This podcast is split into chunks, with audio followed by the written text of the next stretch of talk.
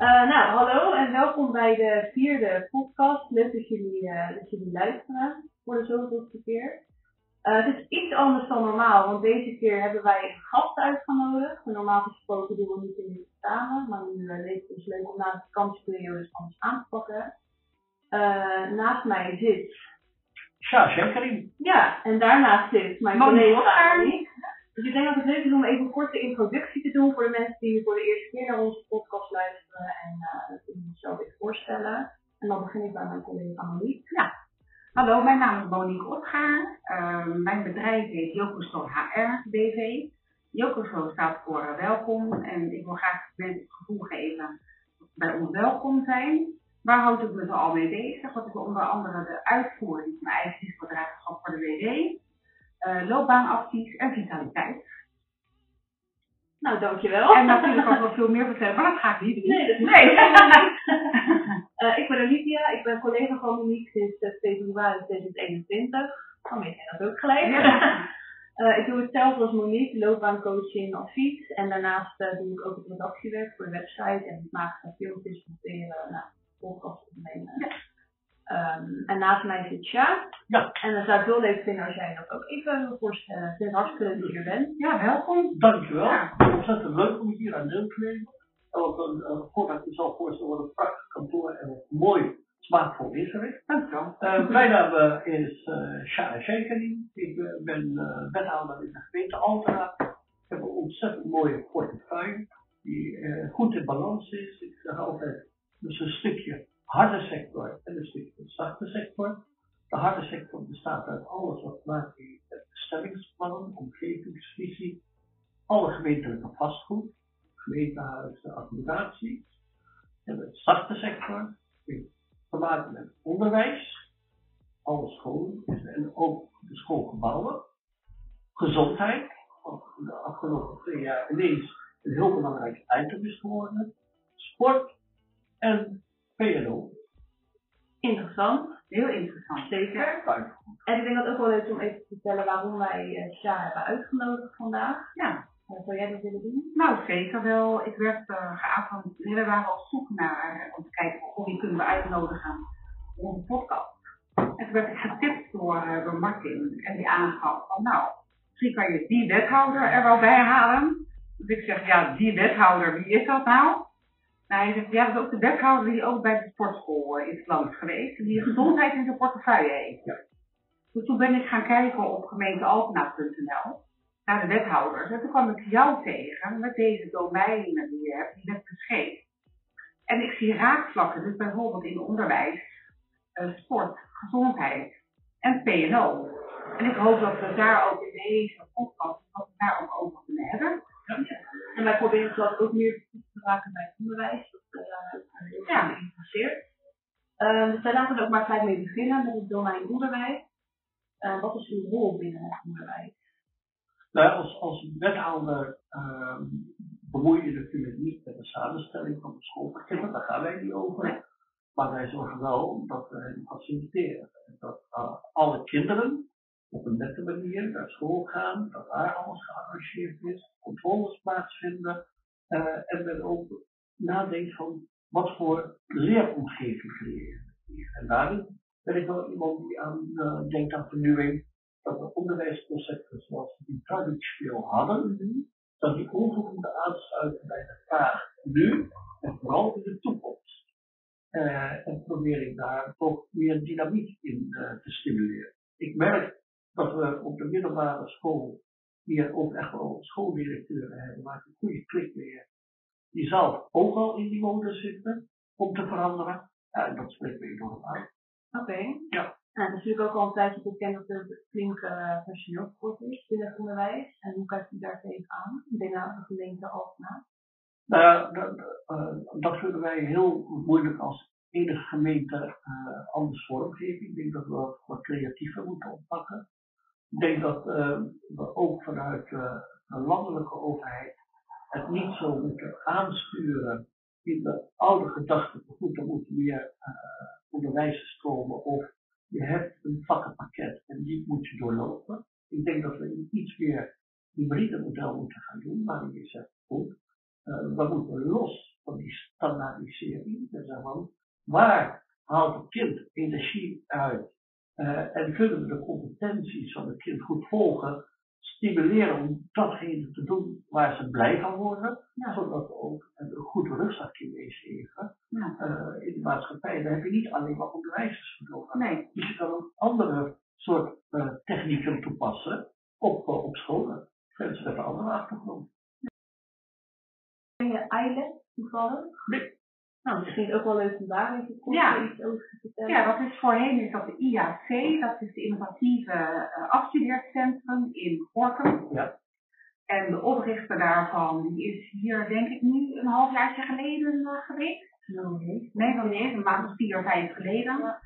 Zij organiseerde een aantal webinars en ik dacht, nou, ook een beetje in deze regio, ik uh, schrijf, we schrijven ons in. Wij zaten in die webinar en er zaten bijvoorbeeld 20 mensen, we waren als enige vrouw waren we daar aanwezig. En allemaal techneuten. ja. ja, ja. Dus maar dat was wel heel grappig. Later heb ik ook gevraagd gesteld, ja weet je, um, zij zegt ik wil je vervolg aangeven, uh, om met de mensen persoonlijk in gesprek te komen. En ik heb oprecht de vraag gesteld van ja weet je, wij zitten nu, het is allemaal techneuten. Wij komen vanuit HR-achtergrond. Uh, ik zie wel wat onze toegevoegde waarde kan doen, maar zitten jullie hierop te wachten? En toen bleek het dat dat wel zo was. Dus wij zijn benaderd, wij zijn in gesprek gegaan en dat wordt niet opgericht. En uh, wij zien het gewoon ook voor ons dat al die MBO'ers en HBO'ers, drie en derde en vierde jaar, nu al moeten gaan nadenken over de arbeidsmarkt, die hebben daar totaal geen notie van. Die weten niet hoe die markt eruit ziet. Dat staan dus die arbeidsmarkt moeten benaderen. Nou, daar zouden wij dus een hele belangrijke rol in kunnen spelen. Ja. Dat is heel leuk. En dat is dus uh, ja, en wat doet dat? Dat, heet, dat is namelijk gewijs van een I-lab. En haar visie is, of haar missie is, het onderwijs en bedrijfsleven bij elkaar te brengen. Ja. Ja. En dat zijn eigenlijk altijd starters natuurlijk, want dat zijn jongeren. En het bleef een beetje bij me hangen, omdat je net zei inderdaad dat de meeste bedrijven nu vragen of niet vijf jaar werkervaring. Hoe ziet u dat dan voor starters? Nou, de kansen. Ja, als je de afstand wil verkleinen, dan, dan zou je kunnen zeggen van starters hoeven niet eens afgestudeerd te zijn of klaar met hun studie. Nee. Maar misschien al uh, juist uh, heel nieuwsgierig hoe het in praktijk werkt. Waarmee we veel meer een combinatie van werk en leren zouden moeten aanbieden. Ik vind ook zelf dat als overheid die stap moet maken. Om voor uh, eigenlijk uh, richt zich dan met name ook op bedrijfsleven. Maar ik, ik, ik, merk ook, wij maken beleid als overheid, praat even vanuit mijn Ja, professie. ja, ja. Wij bedenken zaken voor de maatschappij. En uh, we duwen dat door de strot van de maatschappij. Want wat gebeurt hè? Ja, Wordt even bedacht, dit is een nieuwe wet, zo gaan we doen, punt. punt. Ja, En de dynamiek bij jonge mensen, die dus en een mee uh, komen helpen werken in, uh, bij de overheid, en daarnaast ook nog uh, zich ontplooien, twee, drie dagen nog naar school gaan, die hen de gelegenheid geeft om nieuwe impulsen in te brengen, hoe het beleid wetenschap uh, passen bij hun toekomstige wensen, dan ben je in de toekomst voor de maatschappij aan het creëren. Want het is hun toekomst. exact. En niet die van ons. Nee, precies. En wij bepalen vaak beleid vanuit onze referentie. En die is gebaseerd op historie Exact. en onze ervaring. En dus blokkeren we onszelf om open te staan voor nieuwe impulsen. Ja, Oké, mooi. ja, mooi gezegd. Ja, zeker. Absoluut. Ehm, nou goed, ik denk dat we ook al door kunnen naar het volgende domein. En dat is eh, sport. Ik merk dat ik u en je nog een beetje door elkaar zeg. Dus ik ga vanuit uit. respect, hè? Ja, Ja, ja, nee, ja. dat zit er Ja. zit erin. Dus, Ja. eh, maar goed, we hebben afgesproken, dan begin ik gewoon met je. Ja. Ehm, om even te beginnen, doe je zelf al sport? Zo ja, wat doe je? Ik uh, moet je eerlijk zeggen dat ik uh, er te weinig tijd voor heb gemaakt. Uh, wel met pijn in mijn hart. Uh, maar je komt in situaties uh, dat je keuzes gaat maken. En, en, en het sport, ik ben uh, niet een ontspannen sporter. Dus als ik sport, hou van explosieve sporten. Mhm. Zoals? Uh, ik vind squashen heel leuk. Oh ja. En, en, maar als ik hardloop, dan vind ik ook het sprinten ontzettend leuk. Het, het, het, mag altijd wat explosiever Ja, grote, grote dynamiek. Ja, ja. ja nou, dat vind ik ook leuk. Aan de andere kant gewoon echt hardlopen, duursport vind ik ook leuk. Maar um, ik doe het te weinig. Oké. Okay. Ja, ja, oh, ja, nee, nee, maar. Nee, zeg jij je vraag maar. Nee, ik, ik wilde vragen wat dan de rol is uh, van sport, of uw rol van sport in, uh, in domein. Ja, ja, maar ik heb wel een ontzettend grote liefde voor sport. Ik vind uh, dat sport, het kunnen beoefenen van sport, voor iedereen toegankelijk moet zijn. dus je kunt uitmaken dat gezin komt. elk kind moet kunnen deelnemen aan sport. Uh, sport brengt andere stoffen in je hersenen vrij. Uh, het zorgt ervoor dat je A. Uh, veel dynamischer denkt, omdat je gezonder wordt. Je echt even ontspant, zonder dat je het door hebt, ontspannen je hersenen. Je leert ook met anderen op een, op een speelse manier om te gaan, samenspel, of juist niet tegen anderen. Het, het vergroot je vaardigheden, je tactische vaardigheden. Het helpt je ook om je uh, motoriek te verbeteren. Ja. Ja. Los van het feit dat het je conditioneel je gezondheid ook verbetert. Dus ik zie alleen maar voordelen in sport. En wat ook wel te klappen, ik hou wel van topsport. En dat is niet altijd heel gezond, maar uh, ja, dat vind ik wel mooi. Ja. Oké. Okay. En hoe doet je dat hè? als je gaat kijken naar bijvoorbeeld, ik noem het ook kinderen natuurlijk ook. Uh, niet alleen voor kinderen. Misschien ook binnen de scholen dat daar wat meer tijd aan wordt besteed. Ja. En met name dan ook wel op de basisscholen. En hoe zit dat eigenlijk op de middelbare school? Ben je daar dan verantwoordelijk voor dat ze daar budget voor krijgen? Ja. Hoe werkt dat? Nou, het is in de overheid uh, zo geregeld. Uh, er zijn gewoon uren voor geregeld. Hoeveel minimaal besteed worden aan, aan lichamelijke opvoeding. Ja buitensport of binnensport zijn er andere vormen van. En uh, wij als gemeente faciliteren dat. Dat wil zeggen, als een school gebruik maakt van een, een sportveld, van een sportvereniging, van een voetbalclub, dan betalen wij de huur voor dat soort uh, oh ja, En gebruik van de kleedlokalen. Uh, dus uh, op zo'n manier faciliteren we dat. Ja, je ziet dat ook in deze regio, omdat het niet aardig aan bewegen bent in deze ja. regio. En zie dat er best wel veel opgetuigd wordt, ook voor kinderen. Je hebt alles na speelt en wat ook. Uh, mijn zoontje zit dan op de kinderdag, de, de basisschool, de BSO van buitenspel. Dat zit op de Koza Geboord. Dus afgelopen zomer waren er ook allerlei leuke interventies voor de kinderen. En dat is natuurlijk heel leuk, dat is dan weer voor kleinere kinderen, maar hoe zit het dan met die jonge volwassenen? Hè, die soms toch echt wel met hun ziel aan de lopen. Ja. En als dat in verband met sport wat is daar dan van? Hoe kijk je daarnaar? Nou, we hebben een tweetal uh, doelgroepen waar, waarvan ik heb gemerkt dat die onderbelicht zijn. Het hele bewegingsleer. Uh, we richten ons heel erg op jongeren. Uh, de allerkleinste al vroeg beginnen. Uh, en de trend wat ik nu een jaar op inzet is ook bij ouderen. Het ook een globale zaak te maken dat er veel meer gepromoot wordt om hen te laten bewegen. Ja. Uh, maar je ziet die doelgroep en de terechtopmerking. Er is een groep van boven de 30, dus de 30 en de 40, die een beetje wegvalt. Dat zijn vaak de jonge gezinnen.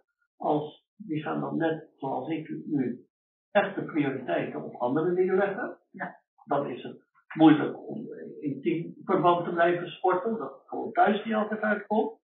En die uh, groep die vanuit school gestopt is met sporten, en eigenlijk de interesses in andere dingen Het is heel moeilijk om die groep uh, te vatten. Te vangen, ja, dat snap ik. Ja. ja.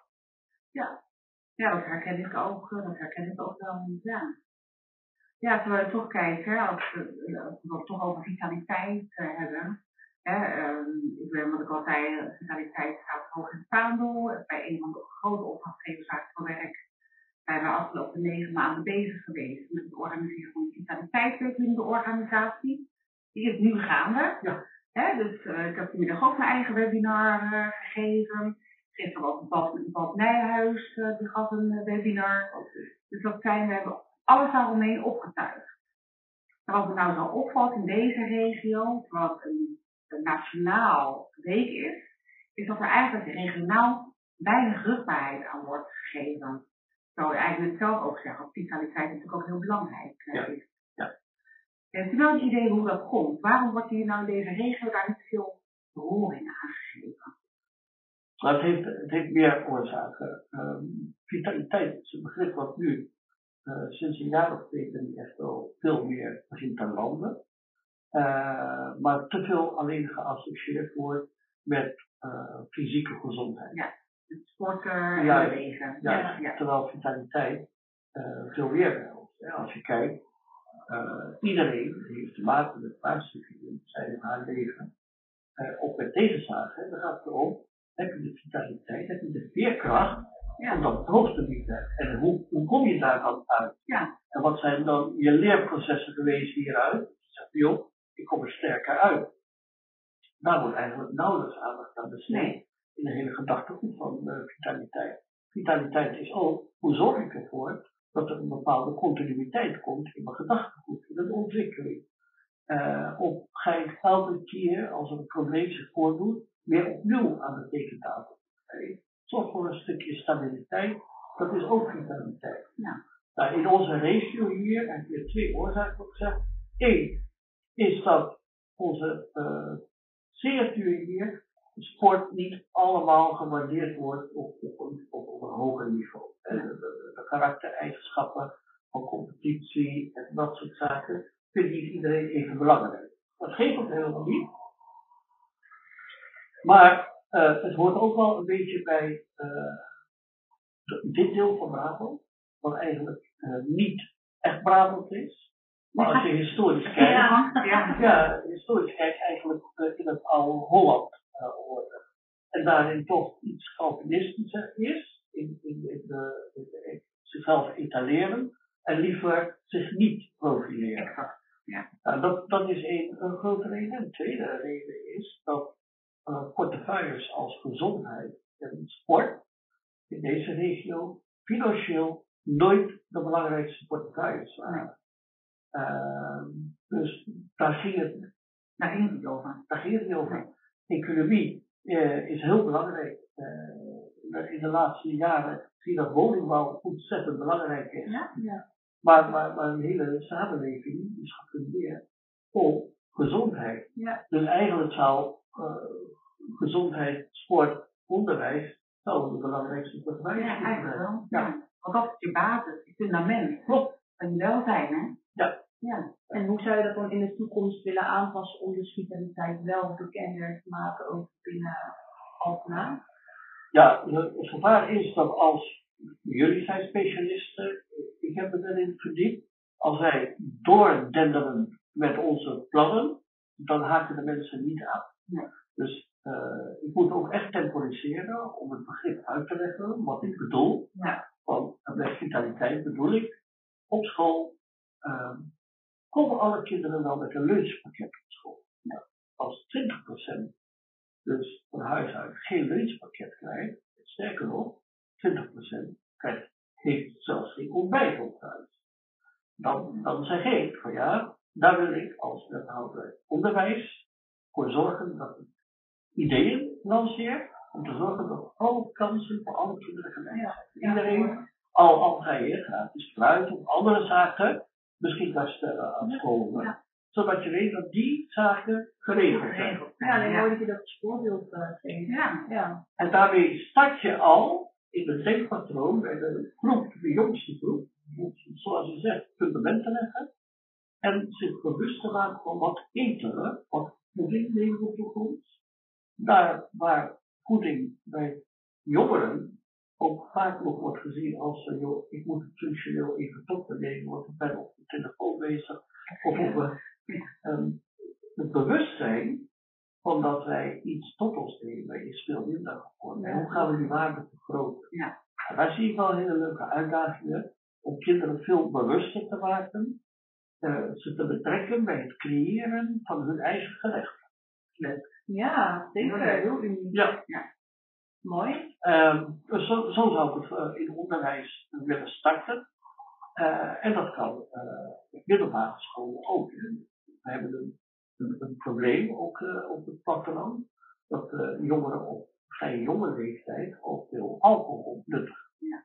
En veelal wordt het goedgekeurd in, in, in, dat noemen ze dan de schuren waar ze zich vol drinken. Ja, ja de Zuidskinderen. Ja, ja, um, nou, zeg ik niet dat het niet goed is dat kinderen uh, of, of jongeren niet moeten drinken, maar er zit wel een leeftijdsgrens aan vast. Uh, en dan kun je uh, mooie flyers uitgedelen op school. Maar zeg maar eerlijk, spreekt dat nou om jongeren aan? Nee, als je vanuit de jongeren kijkt, dan is dat niet de leeftijd. En de groep die je wil bereiken, die bereikt je niet door te gaan zeggen van goed, we gaan een discussieavond organiseren. Want die lachen ons uit. Die denken, ja, ik heb het aangehoord, ik heb dat uurtje gezeten. We zouden heel naïef zijn als we het zo laten. Ja. Terwijl als je er veel uh, creatiever benadert, met een explosieve gedachte. Ik, ik vind het bijvoorbeeld leuk een roadshow te maken uh, langs alle scholen in mijn campagne voor uh, tegen alcohol en drugs. Om op scholen een workshop te gaan geven om cocktails te maken. Oh, grappig. En ja. heel heel, heel uh, kleurrijk, smaakvol uh, de, de, jongeren te betrekken om, om hun eigen cocktail uh, te gaan creëren. Dat is nou interessant. Ja, ja, ja. En dat kun je dus echt maken zonder dat je alcohol daarbij ja, ja, ja. En dan zou je bijvoorbeeld uh, jaarlijks een prijs moeten, een wedstrijd moeten organiseren hier in Altena. Dat je van welke school of welke klas. Uh, en dan wordt een onafhankelijke jury samengesteld dat uh, heeft de beste nieuwe cocktail bedacht. En, en, en, en daarmee uh, op een speelse manier hun ook in laten zien en bewust te maken wat voor voeding ze tot zich nemen. Ja, want dat anders kan. Wat, ja. wat anders ook lekker kan zijn. Klopt. Ja. Ja. ja, en wij zijn ook wel benieuwd um, wat voor jou de link met gezondheid is, kijkend naar de SWOT-analyse van Altena. Ja, uh, we hebben uh, een aantal aandachtspunten. We, we zijn geneigd om vaak uh, direct te kijken waar zitten onze zwaktes, hè, wat, wat moet anders. Ja, ja. Maar kenmerkend van, de, van ons gebied is toch ook wel uh, een hoog ondernemersgehalte. dus daarin zit al een draai. En, en hoe kun je die draai inzetten, de ondernemersgeest, om je doelstellingen op het gebied van gezondheid te realiseren? Nou, een leuke uitdaging. Ja, die verbinding zouden we moeten ja. gaan zoeken. Um, wat, wat wel opmerkelijk is, is um, ons opleidingsniveau, of een opleidingsniveau, ligt in ons gebied onder het landelijk gemiddelde. Mm -hmm. Ons eetpatroon is minder divers. Uh, ik ben zelf opgegroeid met, dat noemden ze toen de schijfpartij, ja, ja. daar. Um, hier is er een hele trage uh, verandering in de, in de keuken. Het is al vrij traditioneel. En als men nu uh, zich laat voeden, zonder een, een of andere hoek tekort te willen doen, dan is het vaak of de fastfood of uh, uh, shawarma of de Chinees-achtige ja. uh, zaken. Waarvan we eigenlijk ook niet weten, ja, wat eten we nou? Het is veel en het is lekker, ja. Maar, maar, maar, maar, waar is het nou voor? Het, het denken over voeding, wat doet het met mijn lichaam, die verbinding moeten we gaan leggen. Nou, omdat je eigenlijk zegt, als je kijkt naar de SWOT-analyse, ja. is het echt een bedreiging, is dus overgewicht. Ja. ja. En, en uh, wat uh, in die SWOT-analyse nog niet toen uh, was opgenomen, is dat wij uh, qua vergrijzing. Exact, gaat die ook. ja, een ander plaatsje gaan krijgen, want vergrijzing vind ik maar dat is mijn persoonlijke mening, vind ik geen zwarte, vind ik een, een, een, een, goed. Want dat wil zeggen. Dat kan zijn, hè? Ja, ja. Want we mogen dankbaar zijn dat we oud worden. En, ja. en dat we grijs kunnen worden. Dus je moet het eigenlijk niet als een, een probleem aanvaarden. Nee, wat kunnen we juist met, met, met de vergrijzing? Wat wel een, een, uh, uh, op de loer ligt als probleem, is zijn uh, fysieke uh, ongemakken die bij ouderdom gaan horen. En ik maak me zorgen over dementie. Ja. En dementie vind ik wel een punt waarvan ik ervan overtuigd ben. En momenteel ook de GGD onderzoeken omdat GGD ook in mijn portefeuille zit uit gezondheid. Mhm. Hoe gaan wij nou in op platteland zorgen dat die dementie niet straks ons verrast en een te grote percentage daaraan leidt. En dan ben ik dus nu al in het kader van vitaliteit projecten aan het verzinnen hoe we ouderen bij elkaar brengen, uh, hun, hersenen continu bezig laten zijn op voeding, stoffen die ze tot zich nemen. En momenteel met een onderzoekje bezig. En geconstateerd dat een heel eenvoudig product wat wij hier heel veel hebben, aardbei, dat het een enorm positief effect heeft op je hersenen in het tegengaan van dementie. Ja, dat soort kennisonderzoeken veel weer gaan uh, toepassen. Ja. En delen. En delen, ja. ja. Maar dat is meer aan de voorkant. Hè? Klopt. En uh, dat is natuurlijk Preventief. preventief. Uh, is, Ja. En ik denk ook, wat je net noemde, hè, dat, uh, je ziet vergrijzen niet als een bedreiging. Nee. Maar dat kun je natuurlijk ook zien als een kans. Ja. En dat is wat Olivia dat ik ook samen vinden. Is dat, dat als je gaat kijken ook bijvoorbeeld naar het, het vergroten van uh, de zeg maar, leerkennis, of het vergroten van de, het leerniveau, Ja. is natuurlijk een hele goede. Want ook binnen deze vergrijzende mensen zit natuurlijk ook heel veel kennis. Dus waarom zou je dan niet heel veel jongeren die je nu nog binnen hebt, waarom zou je dan niet koppelen aan deze grijze aanhalingstekens mensen? Ja.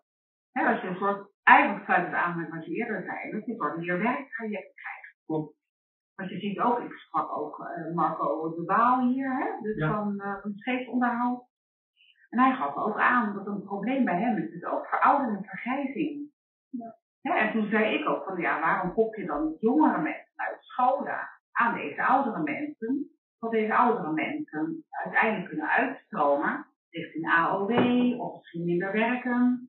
En dat hij of zij ook, uh, het staat hij hè, Ja. die jongeren meeneemt als leerling, Klopt. dat het werk overgenomen kan worden. En hij zei van ook, ja, maar het blijft natuurlijk een heel lastig probleem om jonge techneuten te vinden.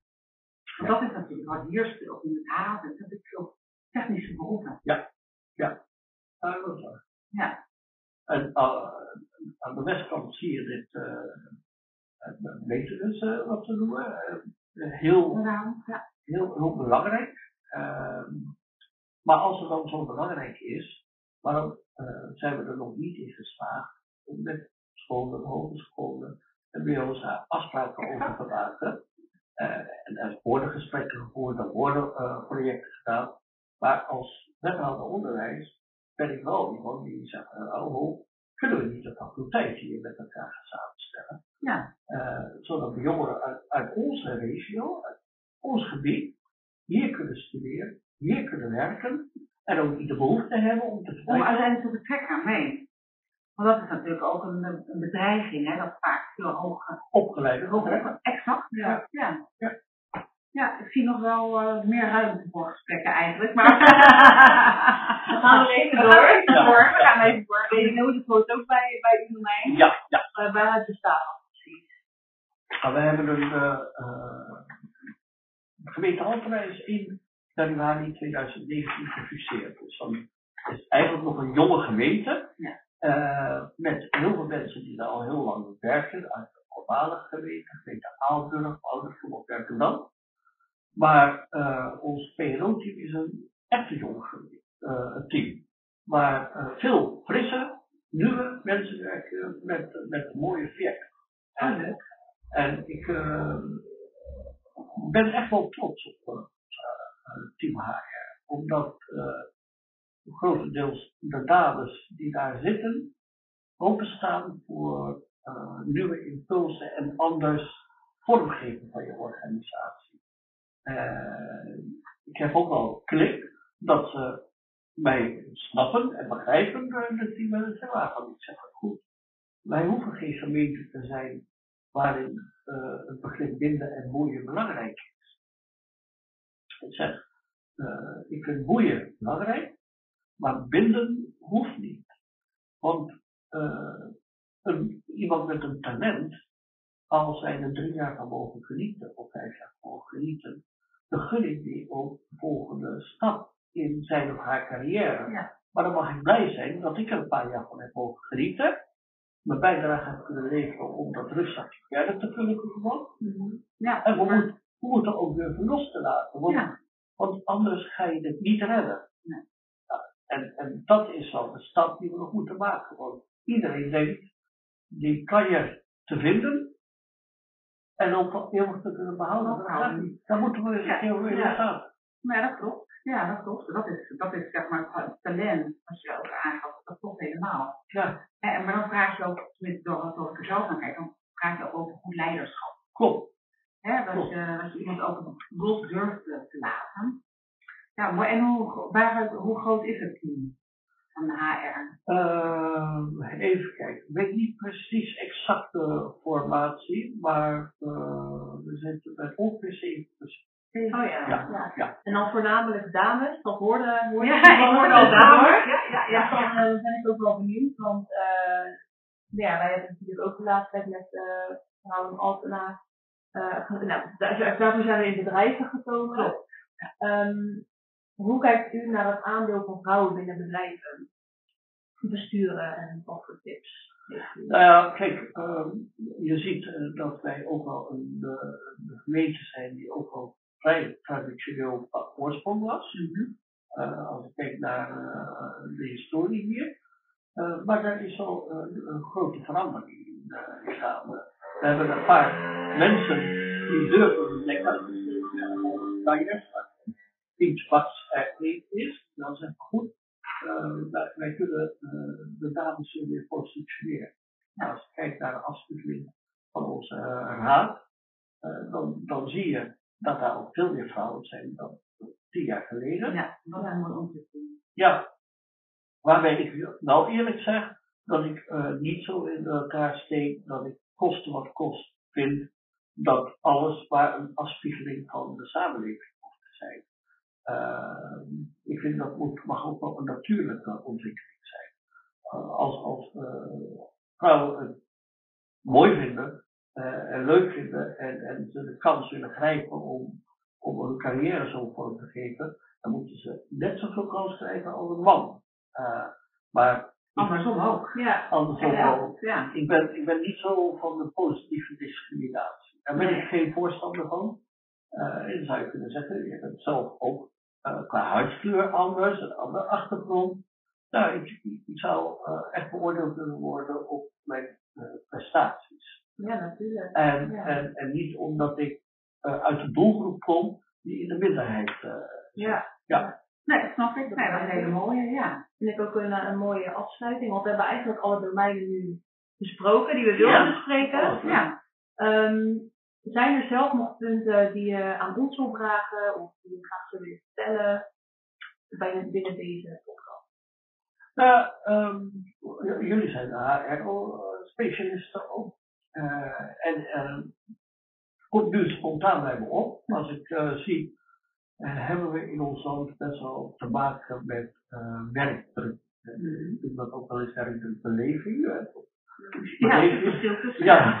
ja, ja. En we hebben te maken eh, met het fenomeen dat toch veel mensen tegen hun eigen grenzen aanlopen, een muur aanlopen. Eh, hebben jullie daar een verklaring voor?